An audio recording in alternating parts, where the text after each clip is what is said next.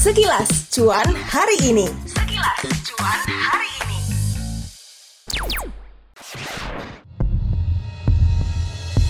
Rasain nih panasnya rokok gue. Mm. Pembajakan!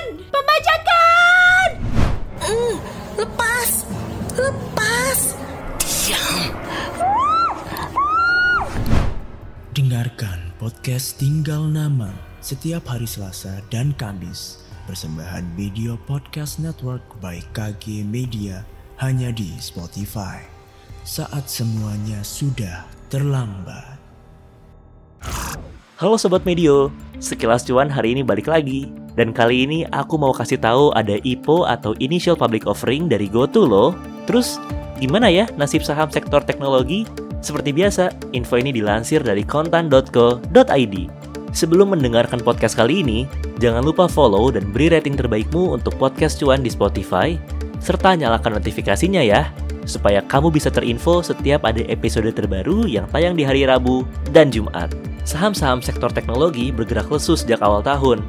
Ini tercermin dari IDX sektor teknologi yang memerah pada angka 12,87% sampai penutupan perdagangan pada hari Rabu 16 Maret 2022. Penurunan ini sekaligus menjadi yang terdalam dibanding sektor saham lainnya di bursa. Analis Samuel Sekuritas Faras Farhan mengatakan kalau saham-saham teknologi saat ini memang kurang dilirik karena kenaikan harga komoditas. Sentimen ini kemudian mendorong investor untuk lebih melirik old economy stocks. Di sisi lain, kenaikan suku bunga The Fed dan kondisi geopolitik Rusia dan Ukraina turut menjadi pemberat lainnya.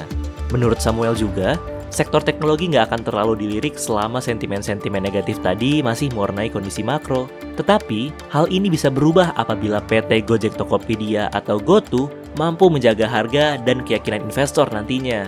Nah, asal tahu aja nih Sobat Medio, sektor teknologi tengah mendapat perhatian pelaku pasar dengan adanya rencana initial public offering dari GoTo. Dengan nilainya yang jumbo, sektor teknologi nantinya akan banyak dipengaruhi oleh GoTo. Terkait menjaga harga, GoTo akan menerapkan Green Shoe, yaitu sebuah mekanisme yang memberikan GoTo fleksibilitas untuk menunjuk broker sebagai agen stabilisasi dalam periode 30 hari sejak saham GoTo di listing di bursa. Mekanisme ini memang akan menopang sahamnya agar tidak melorot terlalu dalam di awal masa perdagangan. Akan tetapi menurut Faras, yang lebih penting adalah kondisi setelah 30 hari masa green shoe tersebut. Itu dia sekilas cuan hari ini. Informasi selengkapnya bisa kamu cek di kontan.co.id. Terima kasih buat kamu yang sudah mendengarkan episode cuan kali ini. Jangan lupa untuk follow Instagram at Medio by KG Media, at Motion975FM, dan at Kontan News. Atau kirimkan saran ke email podcast at kgmedia.id. Dengarkan terus podcast cuan di Spotify untuk mendapatkan inspirasi menarik seputar pengelolaan keuangan, investasi, dan aktivitas finansial lainnya. Saya Muhammad Kanzia pamit, stay tune di podcast cuan untuk tips-tips dan update finansial lainnya.